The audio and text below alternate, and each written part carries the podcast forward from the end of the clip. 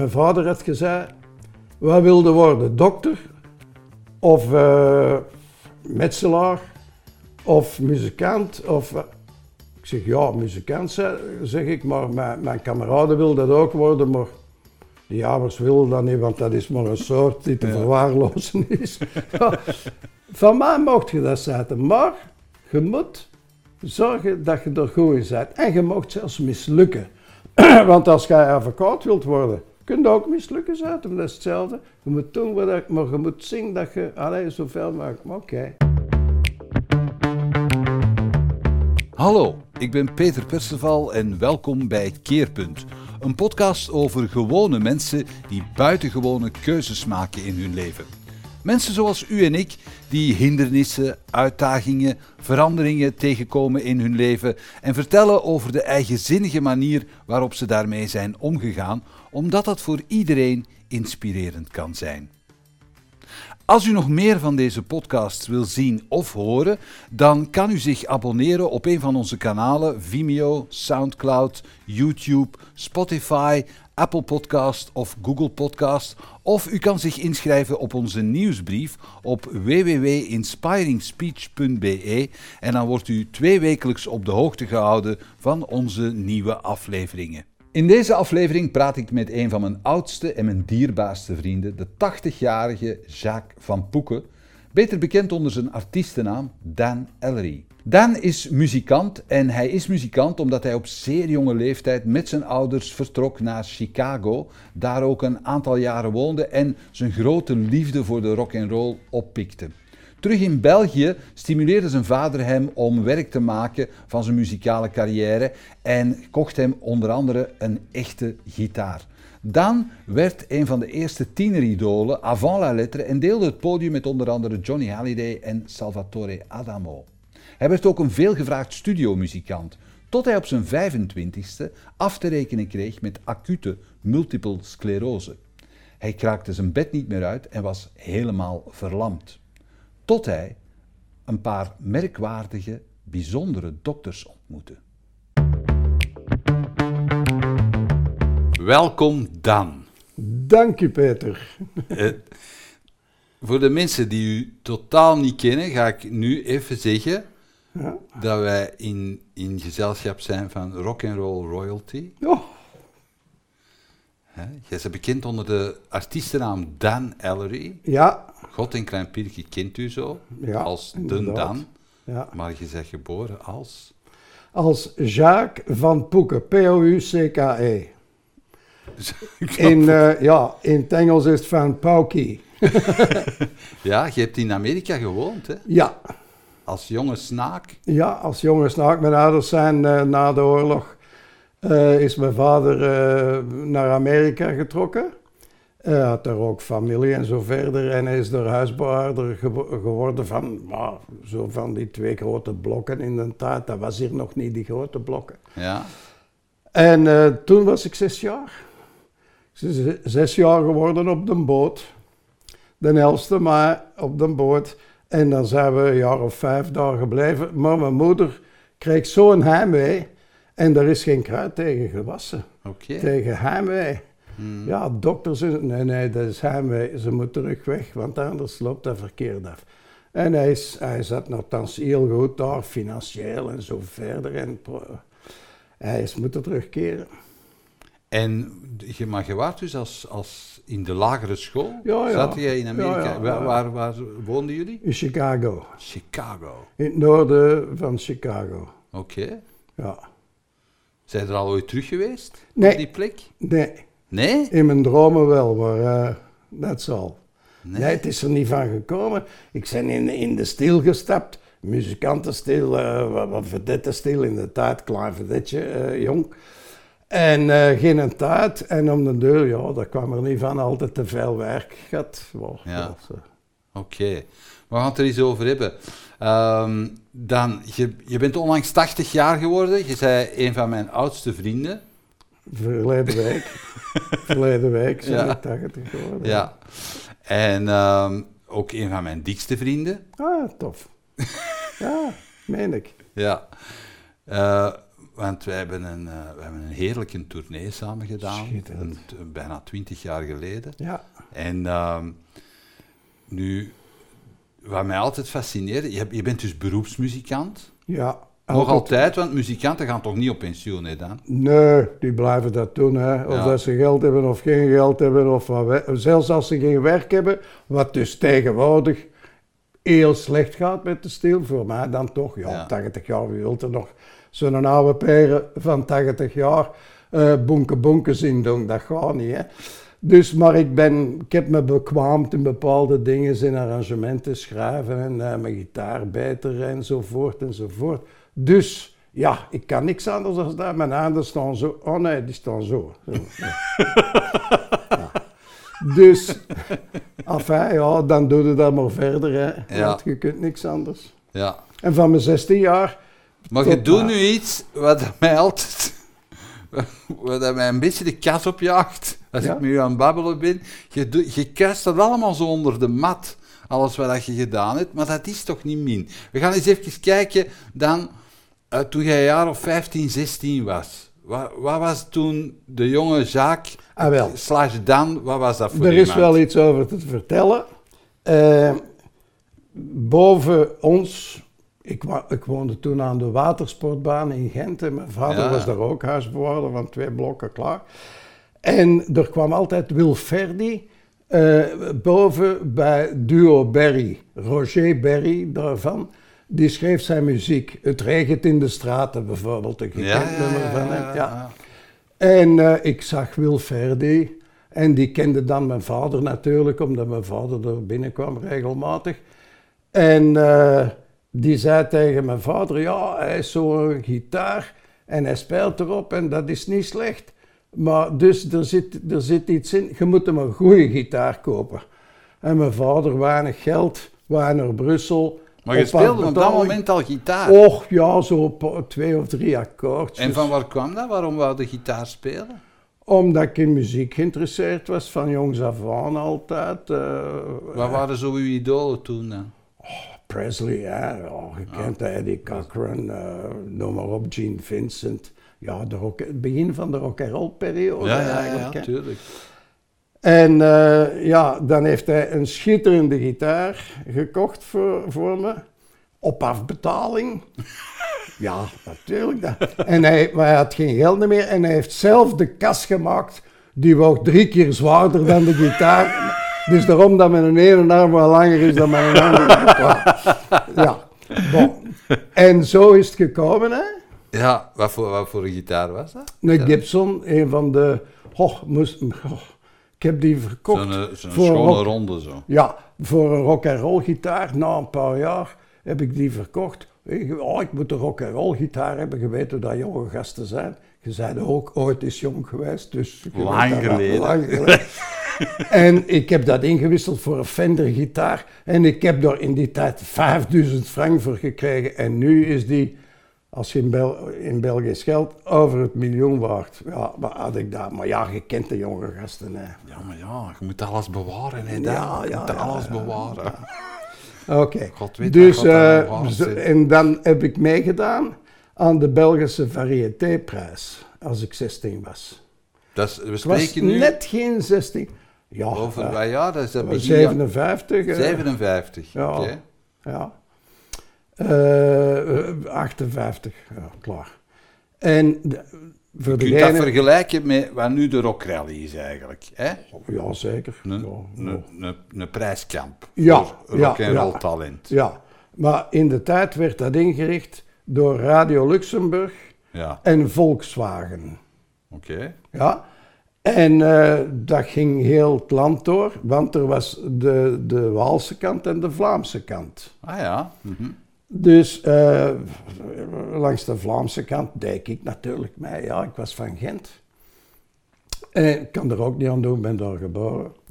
En eh, oké, dus eh, ik liet muziek schrijven van een nummer.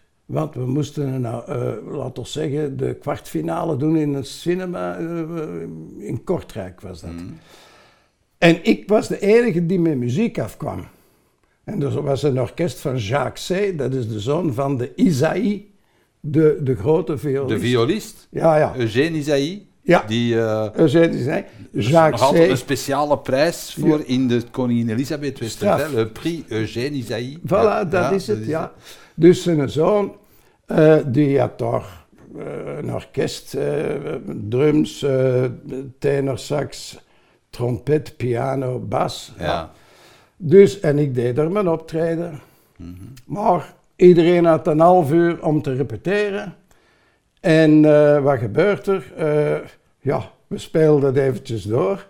En Jacques zei, zei in gebroken Vlaams, want het is eigenlijk het is een Waal. Eh, meneer, eh, nog, nog eenmaal of wat? En ik in het Frans, want mijn moeder heeft me goed opgeleid in het Frans. Zo. Eh, non, monsieur, c'est oké pour moi. Allee, bon. We gingen aan het oog en de drummer zei, later is die, heeft hij nog bij mij gespeeld, heeft gezegd, zeg, dat is een toffe gast, hè. Bij die anderen moeten we een half uur repeteren en bij hem is dat op vijf minuten gedaan. We kunnen er een pakken. Allee, ja. Bon, we doen dat optreden en er kwam een klein, wat, wat heb ik weer al gezongen? Uh, choo choo train, it's chugging down the track, going travel on, en zo verder. Dat was een eigen compositie. Nee, nee, dat was van, uh, allee, hoe heet hem weer al? Och, ik heb mijn namen. Die hand gaat beter, maar namen, dat trekt op niks. Eh allee, ja, Dus dat ook. gaat dat ook. We zullen nu tegen de mensen zeggen, google het, van Voilà. wie dat is. En eh, er komt een klein solootje in. Toet, toet, toet, toet, toet, toet, toet. Oké. Eh, en achteraf, als dat gedaan was, ik had dat gewonnen die een dag. En eh Jacques zei, komt naar mij en zegt hem, est-ce que tu es libre lundi, ben je, eh, ben, ben je vrij maandag? Ja. Euh, euh, euh, oui, monsieur. Oké, euh, Decagette à 9 heures. Ik wist niet wat dat, was. Dat was de studio die achteraf, dat was van Decca. Achteraf heeft Adamo dat dan eh Dat was in overgenomen. Brussel, Decagit. Ja. Ja. Eh, Avenue de Jet, daarom heette dat Decca Jet. Mhm. En eh, ja, dan moest ik naar de studio komen. Buiten mijn eigen... ik had nog nooit in de studio geweest, zal ik zo zeggen. Dus ik kom daar op die maandag toe. Met mijn gitaarke en mijn klein amplieke van alsjeblieft 30 watt. Dat was wat in die tijd... Amai, die had een ampli van 30 watt, ook een Gibson. Ja, dat is niet meer denkbaar nu, hè. Nu, als je thuis eh, een versterkertje net van 30 watt, lachen ze uit. Klaar. Dus ik kwam in die studio en er zit dat orkest en, en, en twee gitaren. De andere gitarist was Jo van Wetter. Dat was de gitarist. Langs de Vlaamse kant had je Francis Bij. Ja. En van het Walsorkest, Henri Segers. Mhm. Henri Segers, like dat ze in het Frans zeggen. Dat was Jo van Wetter. Mm. Bekend van La Playa. Dat nummer ta, ta, ta, ta, enzovoort. De, maar dat was een grote gitarist, aan mij. Ja, ik, het zweet stond in mijn handen. En ik ga voor die lessenaar zitten met, met, met, met, met, met- ja, dat stond vol zwarte bolletjes. Ik zeg, waar ga ik? Maar je kon geen noten lezen. Ik had zelf al van alles opgezocht. Ja. Autodidactisch, ja.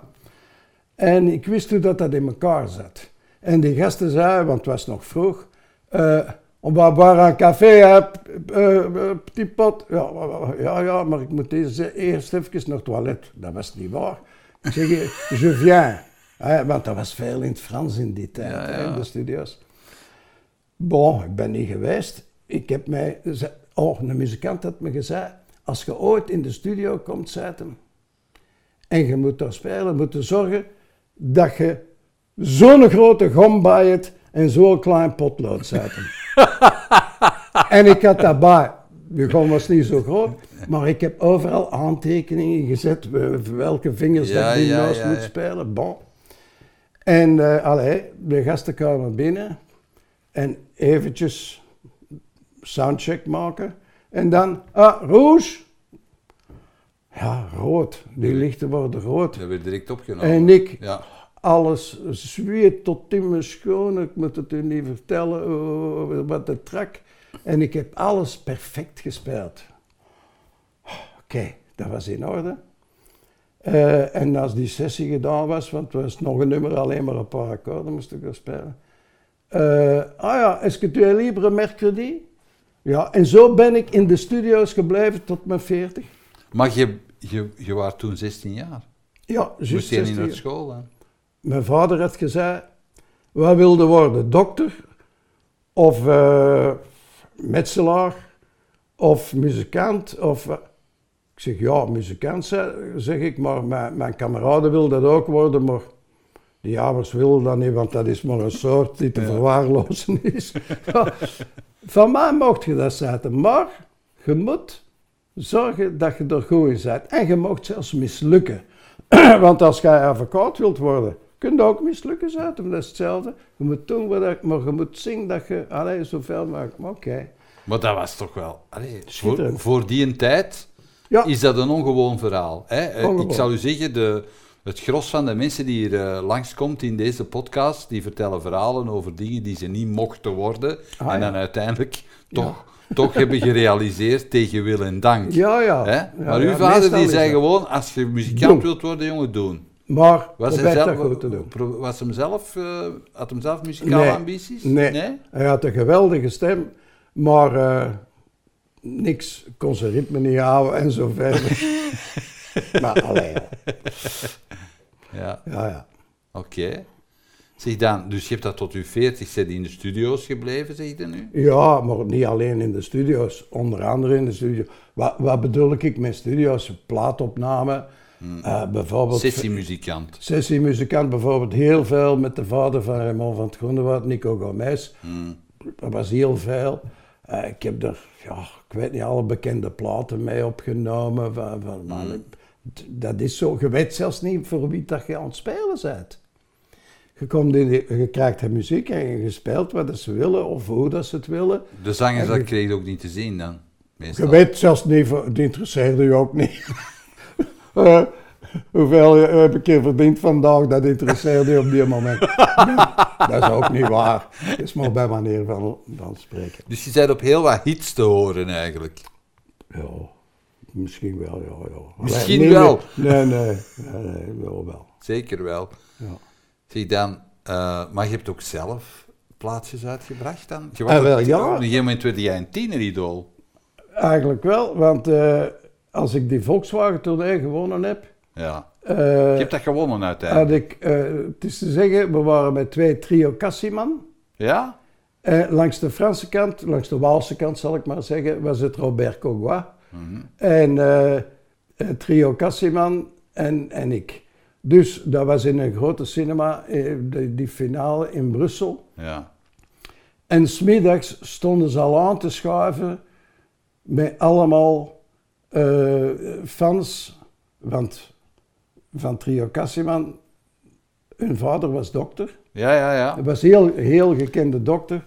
Met ja, een paar honderd stonden ze daar eh, voor ticketjes. En ze kwamen echt supporteren en stemmen. Supporteren. Dus, en het was op de applausmeter. Ah ja, oké. En het scheelde maar één puntje. En ik had de prijs van de jury. En ze hadden spijt dat ze gewonnen hadden, want ze mochten niet meer met de Chevy rijden van de vader. Ze moesten met de Volkswagen rijden die ze gewonnen hadden. Ja, dat is echt gebeurd. Ja, fijn. Want Jean-Jacques Cassiman is daarna zelf dokter Ja, geworden. ja, hè? ja, Die, heeft, eh, die Ja. heeft, eh, is heel beroemd geworden om zijn, zijn DNA-onderzoek. Inderdaad. Ja. Ja, ja. Baanbrekend werk Is gedaan. nu ook al overleden. Helaas. Ja, ja. Ja, ja.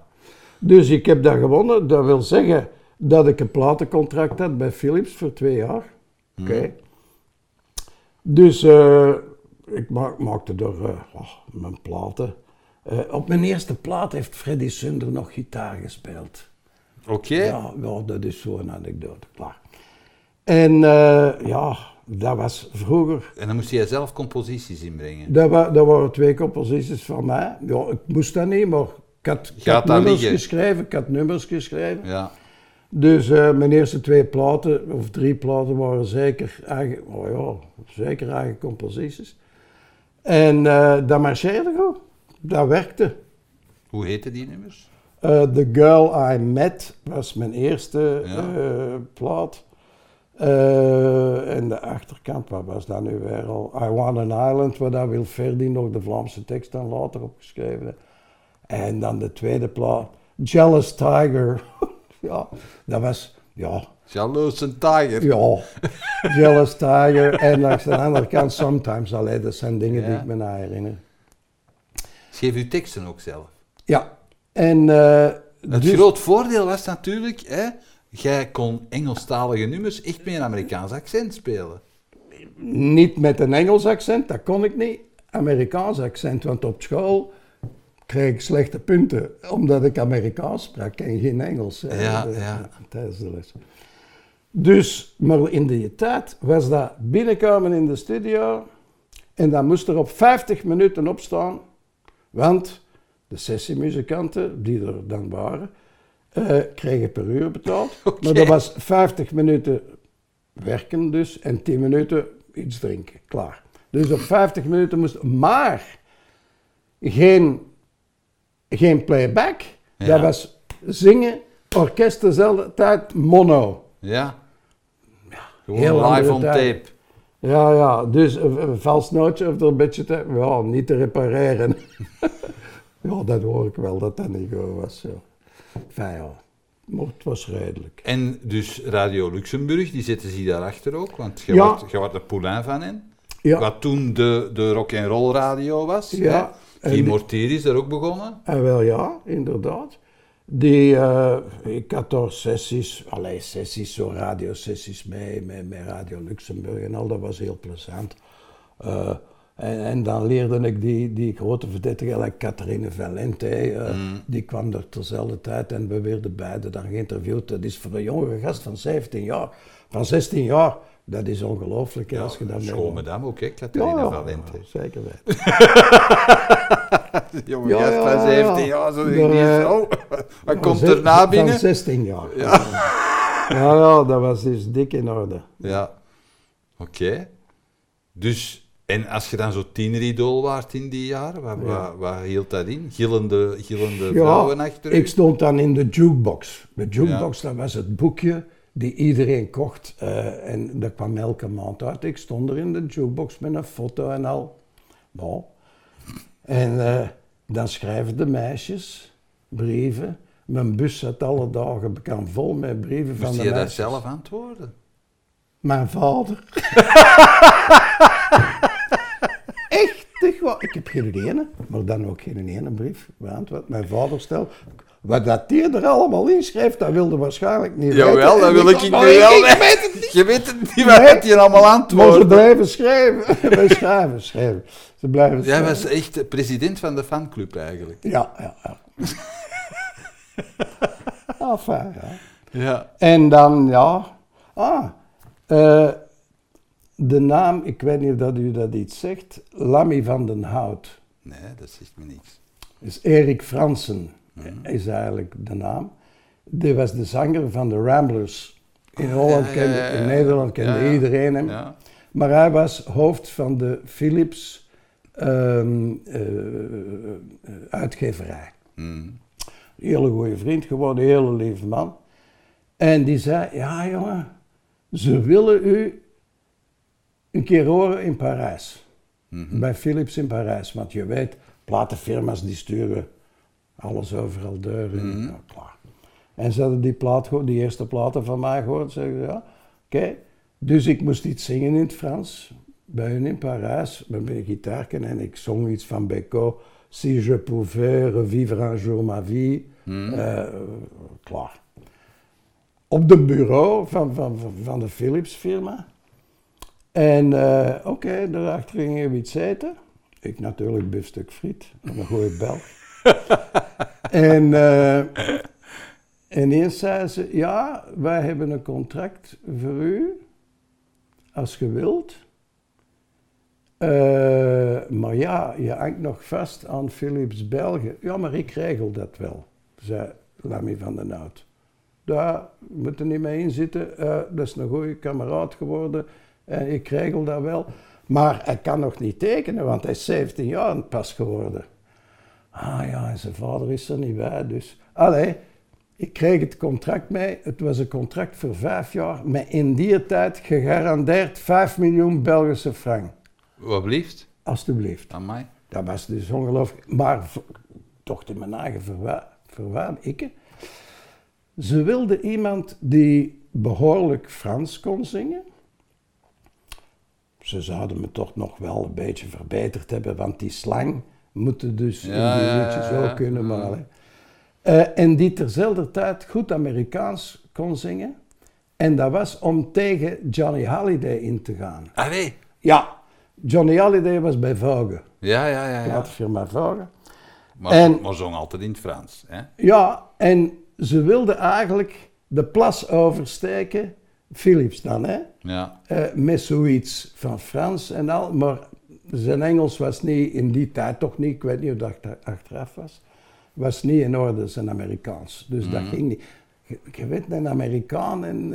eh, Ja, ja, accenten. Dat Ofwel, als nou, het ja. echt een Frans accent had geweest, dan vallen die er wel in. Maar als het niet go- goed Amerikaans is op zich, eh, Ja. niet. Dus ik nam dat contract mee naar huis. En eh, toevallig recht over ons, eh, in Gent, eh, woonde de enige, ja, de enige eh, jurist, dat was een, ju- een rechter, Hmm. een rechter in het Franse recht. Dus de, de, de aangewezen persoon voor dat, voor, voor dat contract te bekijken. Hè? Ja. Want je zult maar iets tekenen en Ja, een hele leven lang Ja. vastleggen. Voor, hè? Bon. Dus zei, ja, ik heb nu geen tijd, maar binnen een dag of twee, klaar. Het was drie dagen. Dus eh, hij komt bellen bij ons. Eh, meneer, meneer Van Poeken zei het tegen mijn vader. eh, goed contract, u mag dat gerust tekenen. Oh, mijn vader content, ik blij. Bon, diezelfde dag, je gelooft het niet, hoe dat het leven in elkaar zit. Jawel, je weet dat wel, maar... Ja. Bedoel, krijg ik telefoon van Lammy van den Hout van Philips. Johnny Halliday eh, ruzie gehad met zijn platenfirma. En Philips heeft dat bedrag aan hem gegeven en hij is bij Philips. Dus zij hem tekent niet, want ze gaan nu bevriezen. Ah ja. Oké, maar zei hem, daarom niet getreurd. Eh, ik ken eh, de, de collega, eh, uitgeverij Moderni, die hebben achteraf de kuskusdans Hmm. gedaan, uh, vogeltjesdans gedaan. Eh, die gaat u een platencontract bezorgen bij Polydor. Oké. Hmm. Maar ja, dat geldt, eh, maar toch een platencontract van twee jaar voor te beginnen. Of van vier jaar, ik wil er vanaf zijn.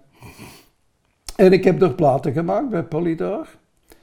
En eh, in het noorden van Frankrijk en in de Pa- Pas-de-Calais begon dat goed te marcheren, want in die jukeboxen stond dat. En ik had redelijk wat werk in het noorden van Frankrijk aan bedragen. Voor die tijd 25.000 frank, dat is, zes, dat is 600 euro afgerond. Eh, in die tijd was dat... Voor een gigantische bedrag. Ja, dat was goed. En ik werkte er regelmatig in het noorden van Frankrijk. Ik heb er zelfs Adamo zijn eerste optreden in Frankrijk gegeven. Allee. In Lens, in een zaal waar ik regelmatig zat. En die baas zei, zei hem, ja, er is er zo'n klein Italiaantje bij jullie. die heeft een goed nummer.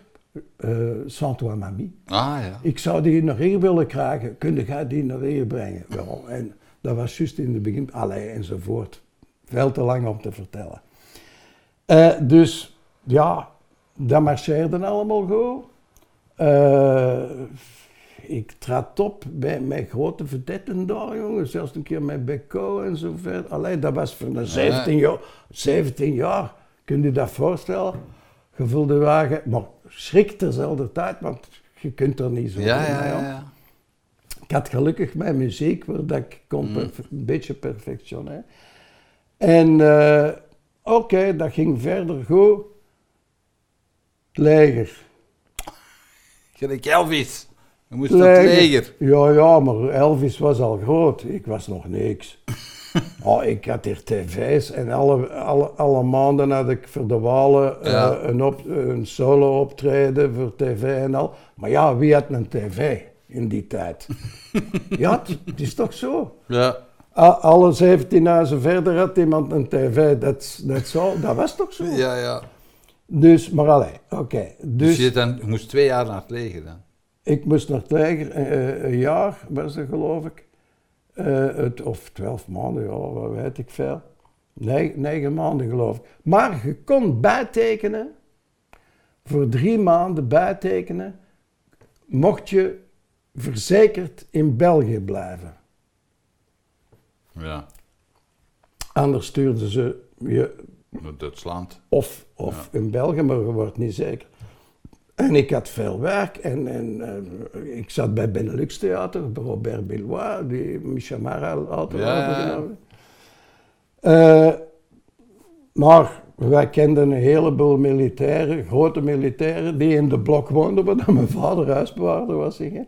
En die zei, geen probleem, laat hem tekenen voor België. Hij doet drie maanden meer, maar wij zorgen dat hem eh, in de dingen komt, eh, zoals Wiltura gedaan heeft. Ja, ja, ja, En die mocht dan gaan optreden. Op zijn Belgisch, zo. We gaan Dus- dat arrangeren Voilà. elkaar.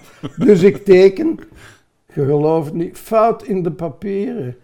In Siegen. Allee. In Siegen, gedaan met de stiel. Mijn vader heeft geschreven naar de koning, naar wat ik allemaal, eh, niks te doen. Maar ik had toch, in, in- ja, mijn stiel kapot. Ik zat negen maanden i- in Duitsland. Ja, kon niet gaan optreden. Eh, maar toevallig was ik, eh, kwam ik in Gent, beetje verlof. En kom ik een jezuïet tegen, die mij herkende, want ik heb toch in de kerk gezongen. Ja, Als ik voor de rock and roll periode. ja, ja. Eh, bon. En die zei, ja, ik ken u, want jij bent de zanger bij ons geweest. Ja, ja, ja. En hoe gaat het? En heel kort heb ik hem dat gezegd, ja, stil kapot. Eh, Ja, ja. eh, ja, en in welke eenheid zit jij? Ja, eh, dat, dat. Ah, zo. Oké, dag. De week erop zat ik in België. Echt? Dat Echt? is Jezuïeten. Echt gebeurd. Echt gebeurd, want ik was toch de zanger. Ik heb jarenlang daar in de kerk gezongen, Ja, een ja, of twee alleen Ja. jarenlang. Bon, en dan, oké. Maar dan moest je terug gaan zingen in de kerk ook. Nee, nee, nee. En eh, dus, allee, eh, want die commandant zei, hoe heb jij dat gearrangeerd dat jij er weg kunt? Zei hij wel, nou klaar. Dus ik zat in, en het schoonste verhaal, niet in België, in Gent zat ik in de Leopoldskazerne. Oké, ja. Dat had hij gearrangeerd. En mijn commandant, die woonde boven ons. dus dat was dus dik in orde, hè. Eh, ja, Eh, dat heb ik... Dat, natuurlijk, al, al- kon je terug beginnen opnemen en ook beginnen optreden. ja, maar ja, als, die, als die legerdienst gedaan was, dan, dan kon ik dat goed. Maar ik had dat wel goed voorbereid, want ik had er gewoon nummer Bappelina. Ja. En eh, Philips had een andere producer, die was niet, niet meer geïnteresseerd. Eh, en dan ben ik naar RCA Ja. gegaan. Dus de, dat was toevallig de platenfirma waar dat Presley bij was. Mm. Dat was maar niet, niet in België natuurlijk. En die waren direct akkoord, dus een platencontract daar.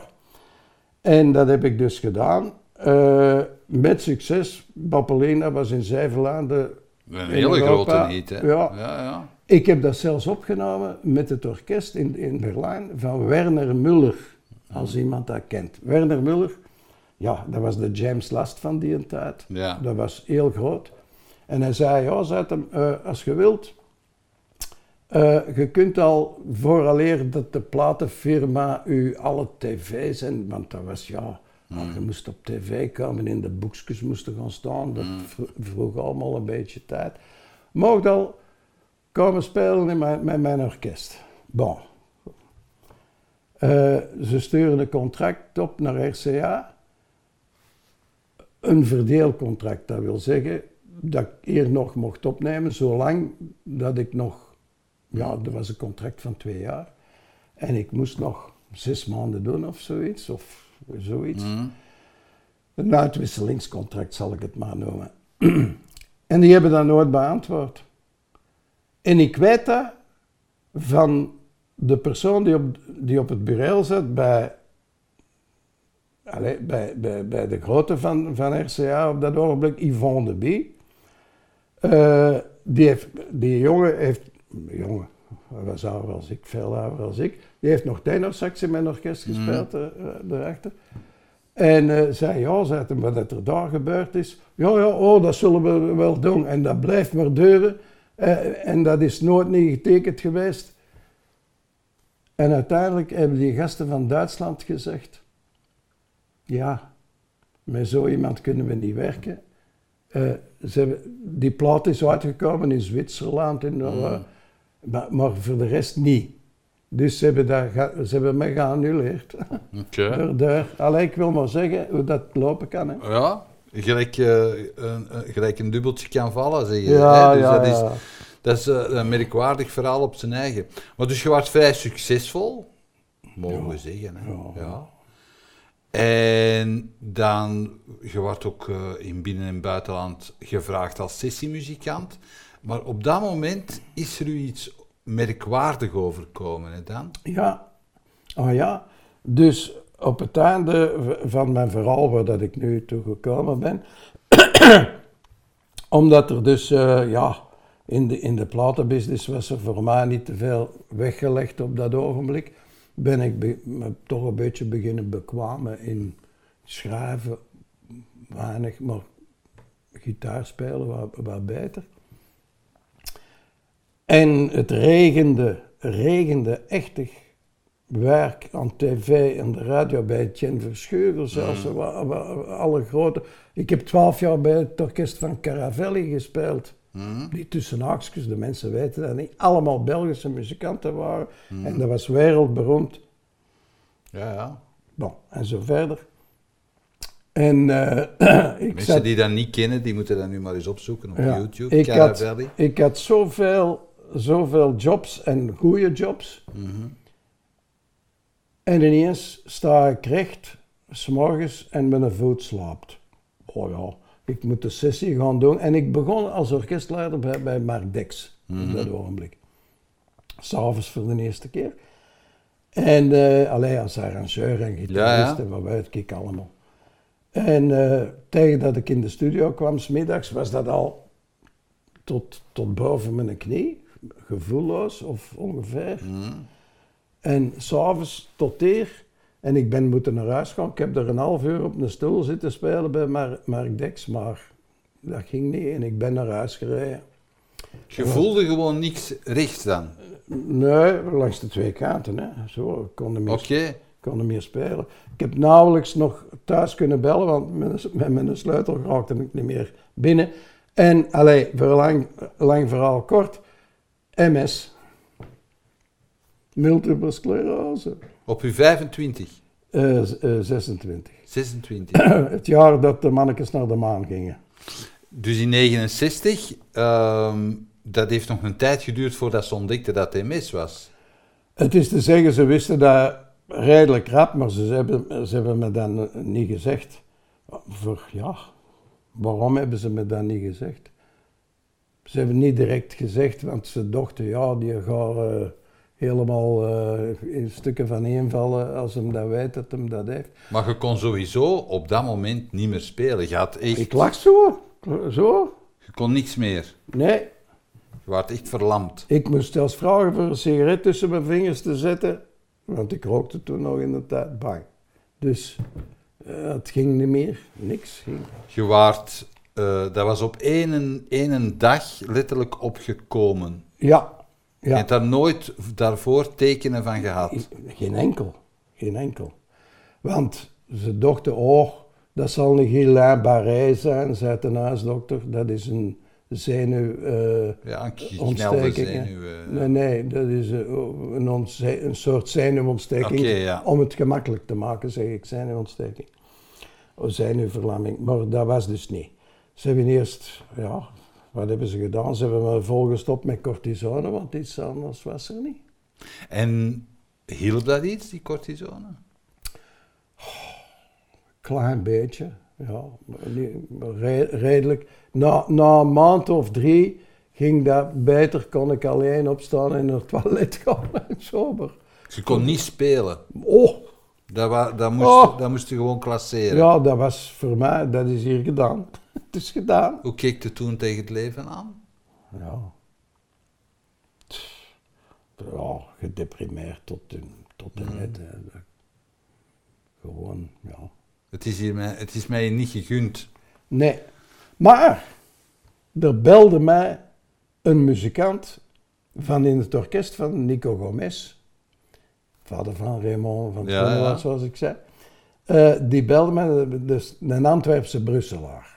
Is eigenlijk een Een, rare combi, hè, Dan? Ja, ja, ja, een, ja. An- niet- een Antwerpse Gentenaar en een nee, Antwerpse. Brusselaar. Ja, dus, en die belde mij, zo, die sprak half Brussels, half Antwerps, Ja. meer Brussels Antwerpen. Zei hem, zeg, maat, je bent ziek. Eh, ik heb gehoord, dat is iets van de zenuwen.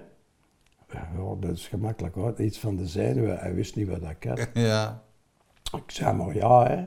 Eh, ja, je moet naar Wezenmaal gaan, eh, naar Wezenmaal bij Leuven. Ja? Ja, gaan dus bij dokter Mertens zaten. En daar kwamen ze met bussen naartoe. Ze kwamen verlamd binnen en ze lopen buiten. Wie gelooft dat? Dat was een mirakeldokter. Maar, Ja? raad geef ik aan iedereen. Als je iets tegenkomt en de dokters kunnen je niet helpen, maak het wereldwijd bekend. Ja? Je kunt nooit niet weten. En bij mij was dat. Dus ik ga er toch naartoe. Ja? En inderdaad, heel die markt stond vol bu- bussen. In Wezenmaal. Ja, ik liet me er naartoe voeren en ik moest drie uur wachten, maar ik ben er toch bij geraakt. Ah, Je kon daar geen afspraak maken ook niet. Je nee, gewoon daar naartoe en... Ja, ik ging daar naartoe, ja. Ja, oké. En eh, ik kon dan ja, een beetje stappen. Ja, ik kwam binnen, ja, zet u neer meneer, ja, klaar. Die pakt zijn telefoon, ik kreeg telefoon en hij was terzelfde tijd aan het schrijven. Ik dacht, ja, dat is van die telefoon dat hem iets aan het noteren was. Hij die telefoon neer achter een tijd. Eh zijn van Antwerpen? Ik hoor dat je van Antwerpen bent. Ja. Oké, ga maar terug naar Antwerpen, zei hem. Je gaat naar professor Dellaert, Italië Leiden, geeft les in Leuven. Zei hem, die werkt samen met eh, dokter Coresius, dat is een Griek van Compiègne, eh, tegen Parijs. daar. En eh zei hem, als je die therapie wilt doen van hun, binnen twee jaar zit ik genezen, zei hem.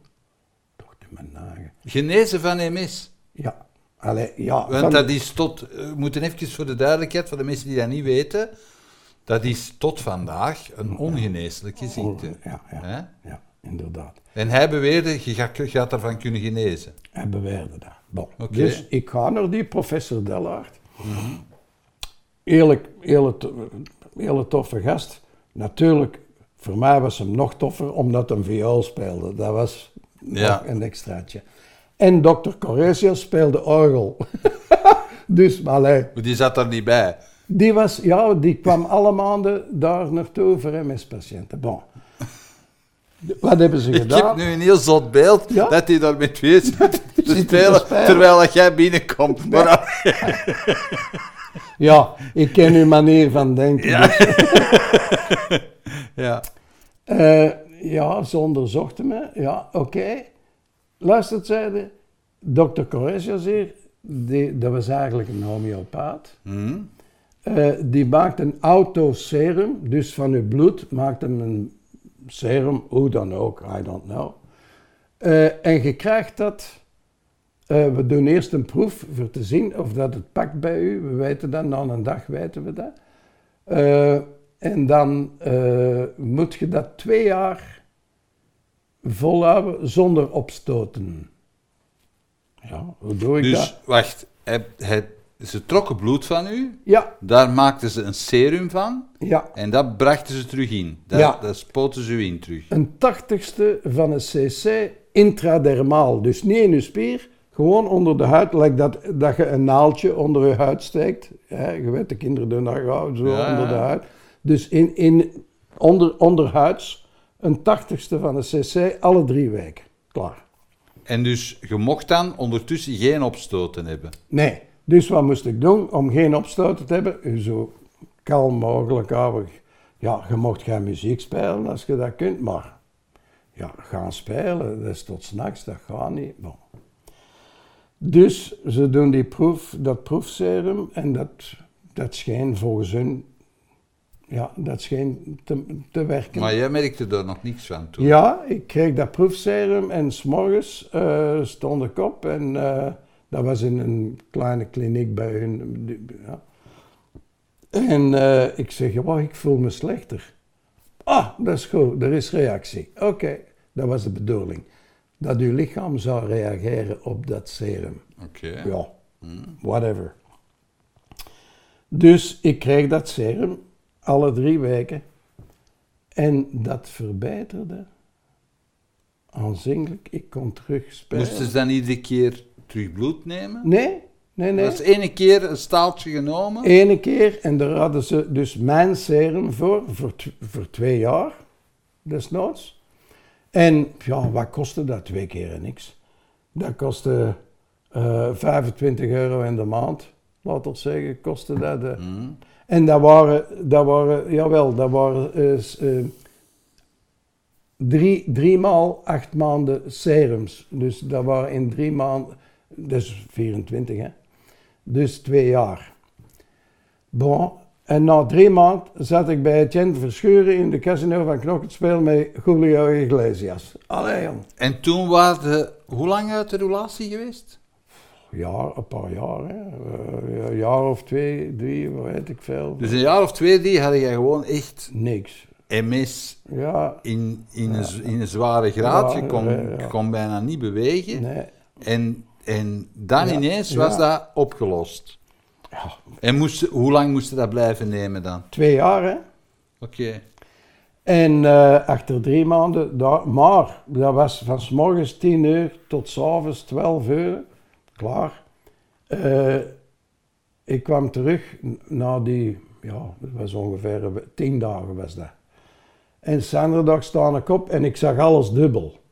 En ze hebben, dus ik bel direct naar professor Deller en zei, ja, je hebt het wat overdaan. Ik zeg, ja, maar ik zie scheel, ik zie alles dubbel. Eh, ik zag u hier, maar ik zag u daar ook. Ja, maar zei hem, dat is, eh, ik weet wel.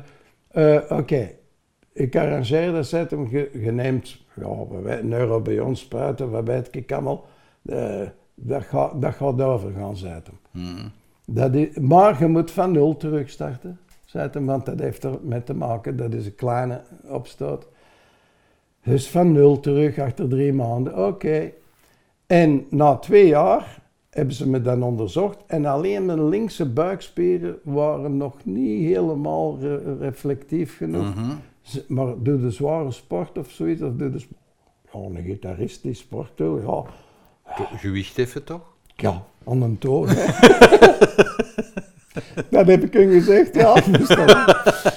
en, eh, oh ja, maar als het dan maar is, je mag ermee stoppen. Ik zeg, nee, ik doe nog een sessie van acht maanden. Ik zeg, ik wil zeker zijn. Mm. En ik heb nog een sessie gedaan van acht maanden, maar alleen maar studiowerk deed ik dan, geen avondwerk meer. En de buikreflexen zijn teruggekomen. Zie maar wat een buik dat heb. Dat kan wat bij. dat kan wel. Dus dat is het verhaal. Dus je hebt dan goed en wel drie jaar eigenlijk die medicatie ja, genomen. ja, ja. Drie jaar die behandeling gevolgd. Dat is nu 50 jaar geleden ongeveer dan. Oh ja. En je hebt er totaal geen last meer van. Het is te zeggen, ik heb gezegd, voor hoe lang ben ik nu genezen? Ja. Ah, zei hij, zeker voor 20 jaar. Ja, zeker voor 20 jaar, hoe weet je dat? Oh ja, we zijn er nog maar 20 jaar mee bezig. Ah, dat is een beetje logisch, hè? Dus zeker 20 jaar, maar als je ooit iets zet na 20 jaar, mijn zoon zal de, gaat, dat was ook dokter, die gaat er wel opvolgen. En dan krijg je nog één injectie en dan zijn het terug. Go. Eén injectie is dan genoeg voor verder. Oh, Oké. Maar in 2003, dat was de geweldige hete zomer, Ja. Mhm. Eh, heb ik ook zo'n opstoot gehad, maar niet met verlammingen. Mhm. gevoelloosheid, eh, wat weet ik allemaal. En ik ben, ja, dokter Dellart was dood. De andere, uh, Corresius ook. Uh, ben naar, naar Tuzeta geweest hier in Ja. Antwerpen. En daar hebben ze direct geconstateerd. Oh ja, dat is MS, dat is een aanval van, van MS. Wisten ze direct. Ze hebben me terug volgestopt met cortisone, zeven dagen aan een stuk. Terug 15 kilo of 10 of 15 kilo. ba- Ja, ik ben er gevoelig aan, klaar. En dan is dat op een dikke maand tot twee maand in orde gekomen. Want, want ik had genoeg, waarschijnlijk, ik veronderstel dat, ik had al weerstand opgebouwd, Mm.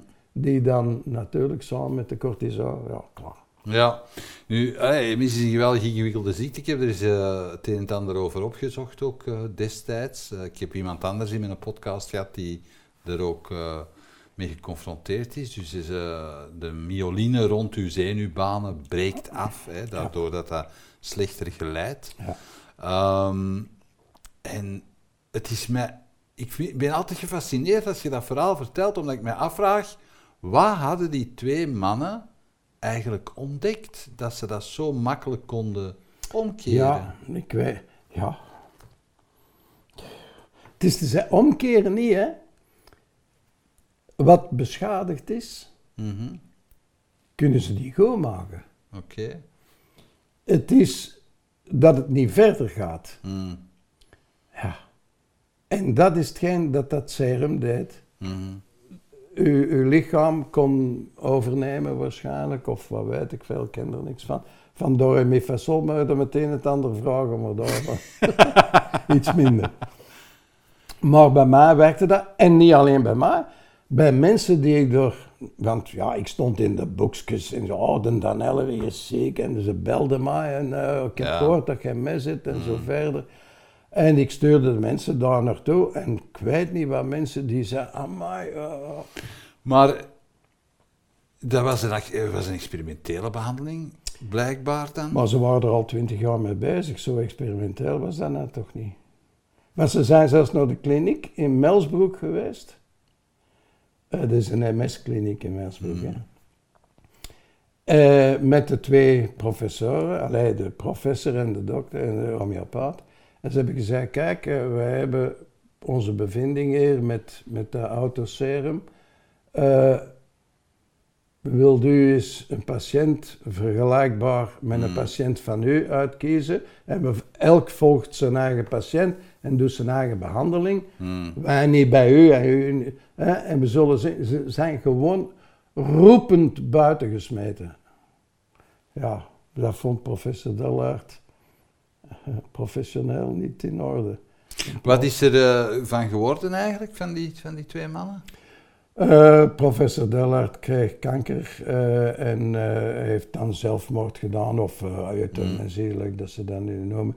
En de andere was zo groot en zo dik, dat weet ik al niet. Hij is waarschijnlijk van zijn orgel gevallen of zoiets. ik weet het niet. Ja, maar die zijn, die zijn verdwenen Ah, en, ja. en met hen is ook die behandeling verdwenen. En dan. wel ja, eh, zijn zoon zou het gedaan hebben. Dus 2003, als ik die tweede opstoot, dan toch maar kreeg. Na 23 jaar was dat. Ja. Ongeveer 24 of 24 jaar.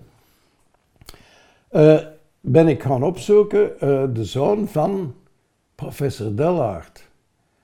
Eh, zelfs naar, eh, hoe noemen ze dat, we- gemeenschap van de dokters. eh, allee, ja. Mm. En Johnny Voners heeft me een paar dagen meegeholpen eh, ah, op de computer, ik op de computer, eh, Mm. want we- was juist in het begin van de computers zo.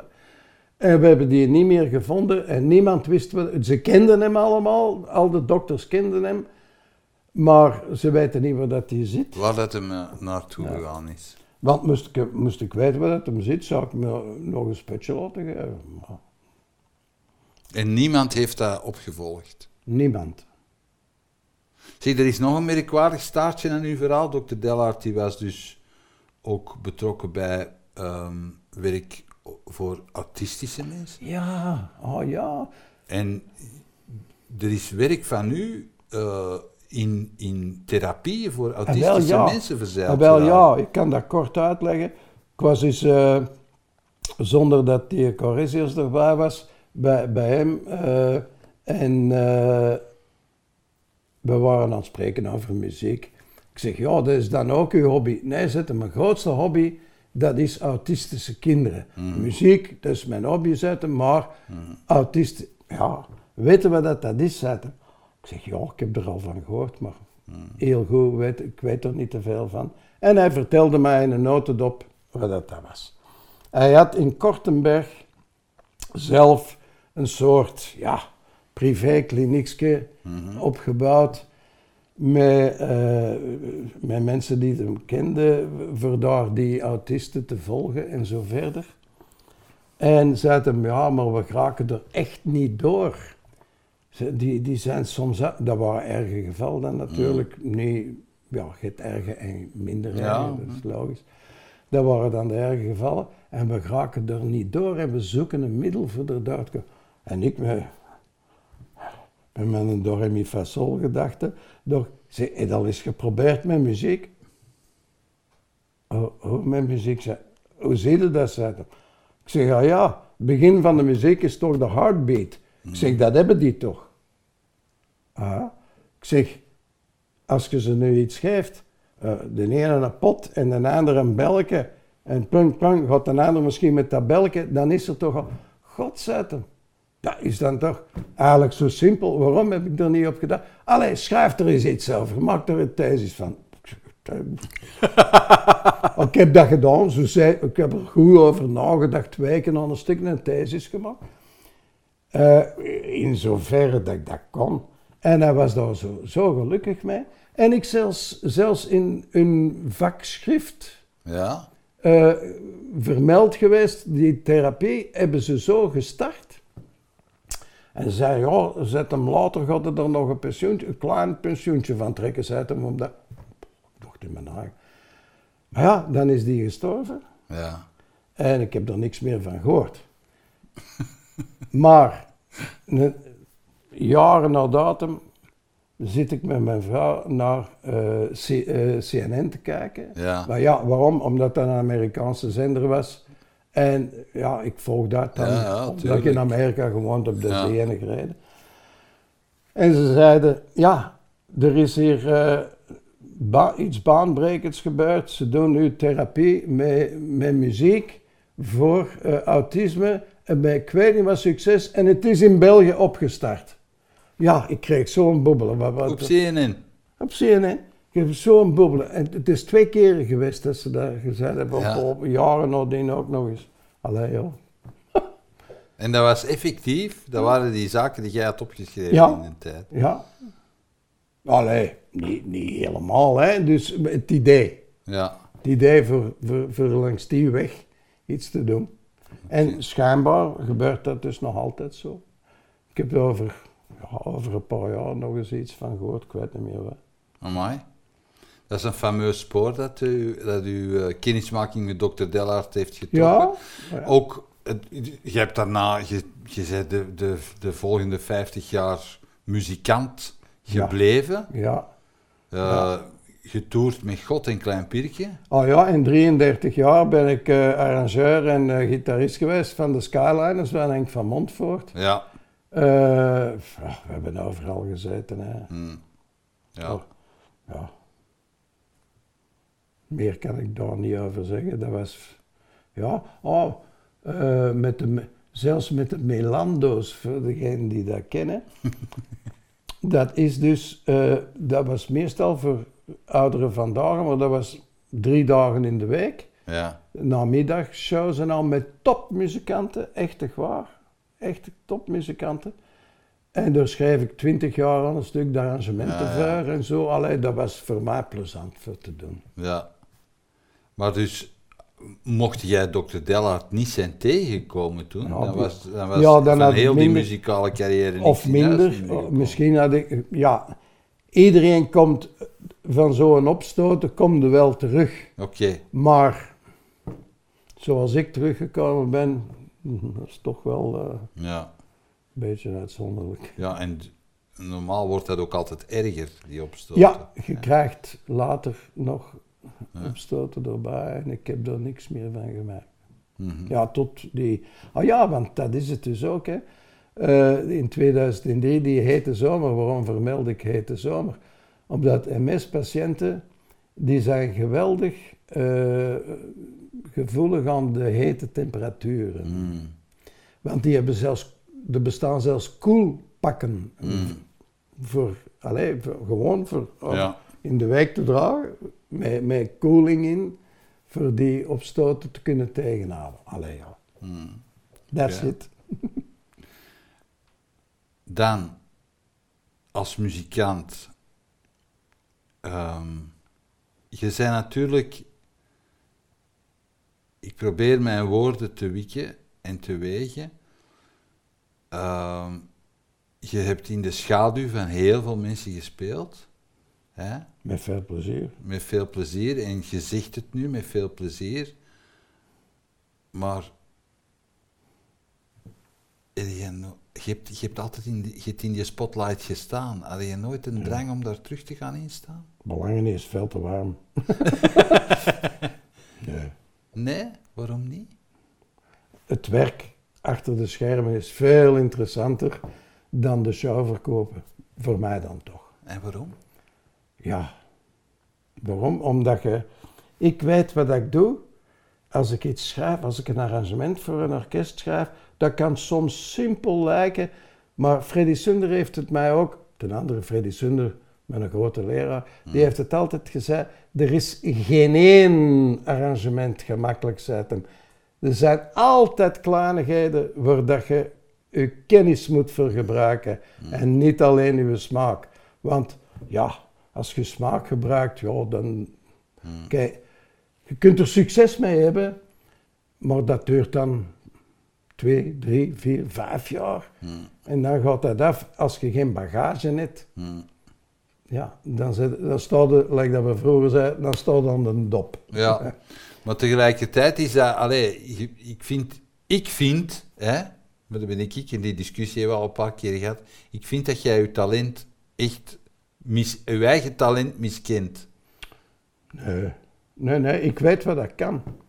Maar ik weet zeker wat ik niet kan. Mhm. Maar dat kun je ook niet aan iemand zeggen. Je kunt niet, ik kan u niet vertellen wat ik kan, maar ik kan ook niet vertellen wat ik niet kan. Alleen mijn collega's weten dat. En daarom zijn daar, buiten de persoonlijke vrienden, zoals jij, jij bent een vriend, dat weet ik zeker. Maar al die collega's zijn, de muzikanten zijn mijn vrienden. Want mijn vader zei dat in de tijd nog. Jij bent altijd bezig met de muzikanten. Zijn een keer meer met je wagen bezig? Ja, dat is voor succes te maken, maar zo, zo besta ik niet. Iedereen heeft zijn karakter. En, en, en ik zijn voor, ja, voor de muzikanten. Ja, En ook voor de toffe artiesten, want de toffe, hè, want er zijn er ook bij. Enfin. dat is voor een ander gesprek. Gewoon een andere podcast is over ja, ja, ja. Ja, wel, dan, eh, wat mag ik u nog wensen? Nog een cola. Nog een cola. En, en, eh, en eh, als, in de rest van uw, van uw volgende jaren? Dat de mensen zouden begrijpen dat, maar ja, ze, ze hebben er misschien geen budget voor. Alhoewel, het kost niet zoveel of dat ze denken dat er arrangeurs zijn, ik kan ze zo opnemen, die van hun werk dat ze nu doen met de computer, heb ik niks tegen. Ja. heb ik niks tegen.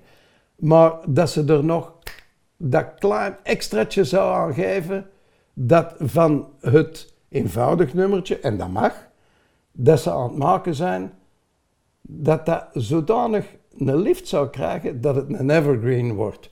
Hoeveel nummers zouden er nu geproduceerd zijn die op al die miljoenen, die eigenlijk een evergreen, dus altijd groen, Ja, altijd ja. jong zouden worden. Dat een arrangement een enorm verschil maakt. Dus- dat kun je zien in zo'n programma gelijk Liefde voor Muziek. Ik weet niet dat je dat al eens Ja, ja, ja, ja, ja, ja. Daar worden echt, soms echt heel knappe Ah, wel, versies ja, gemaakt. ah, wel, voilà, dat zijn de goede arrangeurs die, die smaak hebben en die ook kennis hebben. Voilà, die heel goed weten wat Ja, ze ja. doen. Als, ze Maar ze kwamen bij mij eh, voor een arrangement. Ja, we moeten, ja, we moeten toch eens in plaats van on- met onze stick eh, moeten we live met het orkest, alleen ze laten dan een paar arrangementen schrijven. En als ik dan, ik, want dat zijn ja, gasten die ik ken, eh, artiesten die ik ken. Oh, ik ben in pensioen, natuurlijk ben ik in pensioen, ben 80. Dan reken ik daar een prijs voor die te betalen is. En dan toch nog, ja, maar zoveel. Ja, maar al het aan, aan het internet. Hè. Ja, Ik plus hoeveel keer gaat het gebruiken? Hè? Hoeveel... ja, maar dat, ik heb daar alle begrip voor. Nee, dus ze gaan, het, ze gaan er heel veel, heel veel plezier van hebben. Dus Ja, dan maar alleen een kleine anekdote. eh, de Do- Doran, dus Hm. de zanger. Eh, daar heb ik geen probleem mee, integendeel, een toffe gast. Eh, die laat mij over, over een paar maanden een arrangement schrijven van Strangers in the Night. Mhm. Ik weet niet hoe oud, Strangers in the Night. Eh, en dat was voor met de Rico Zorro Band te doen. Mhm. Onder andere. En verder zal hij dat ook nog wel gebruiken. En de, de, de Erik, Rico Zorro, die komt achteraf. Oh, we hebben met de Doran gewerkt en ik heb een paar arrangementen van u gespeeld. Dat waren dik in orde, maar die Strangers in the Night zetten. Allee, zet hem. Wat dat je daar geschreven hebt. Gewoon dat dingetje van, van een viool of zoiets. Dat is, dat je dat gedacht hebt van zo te doen, dat, dat, dat, allee, dat is fameus. Allee, we er nog een pakken, hè. Dat wilde blijven doen. Ja, Ja, daar je het plezier van. dat wens ik u van ganse harte toe. Heel veel mooie arrangementen nog mogen maken. Met al die muzikale kennis en al die geschiedenis die hier opgeslagen zit. En ik wil nog één woordje zeggen en dan is het Ja. voor mij gedaan.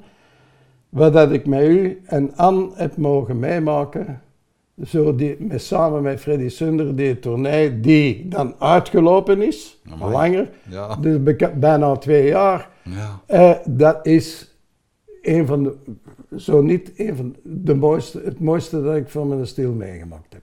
Amai, Dat wou ik, dat wou ik zeggen voor u en voor Anne. Vind ik een hele eer. Merci. Ja, dan. graag gedaan.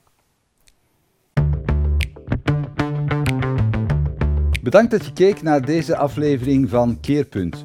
Wil je op de hoogte blijven van nieuwe afleveringen en nieuwe interessante gasten? Abonneer je dan op onze nieuwsbrief via www.inspiringspeech.be. Iedere twee weken brengen wij een nieuwe aflevering online op inspiringspeech.be, YouTube, Vimeo en Soundcloud. Tot ziens.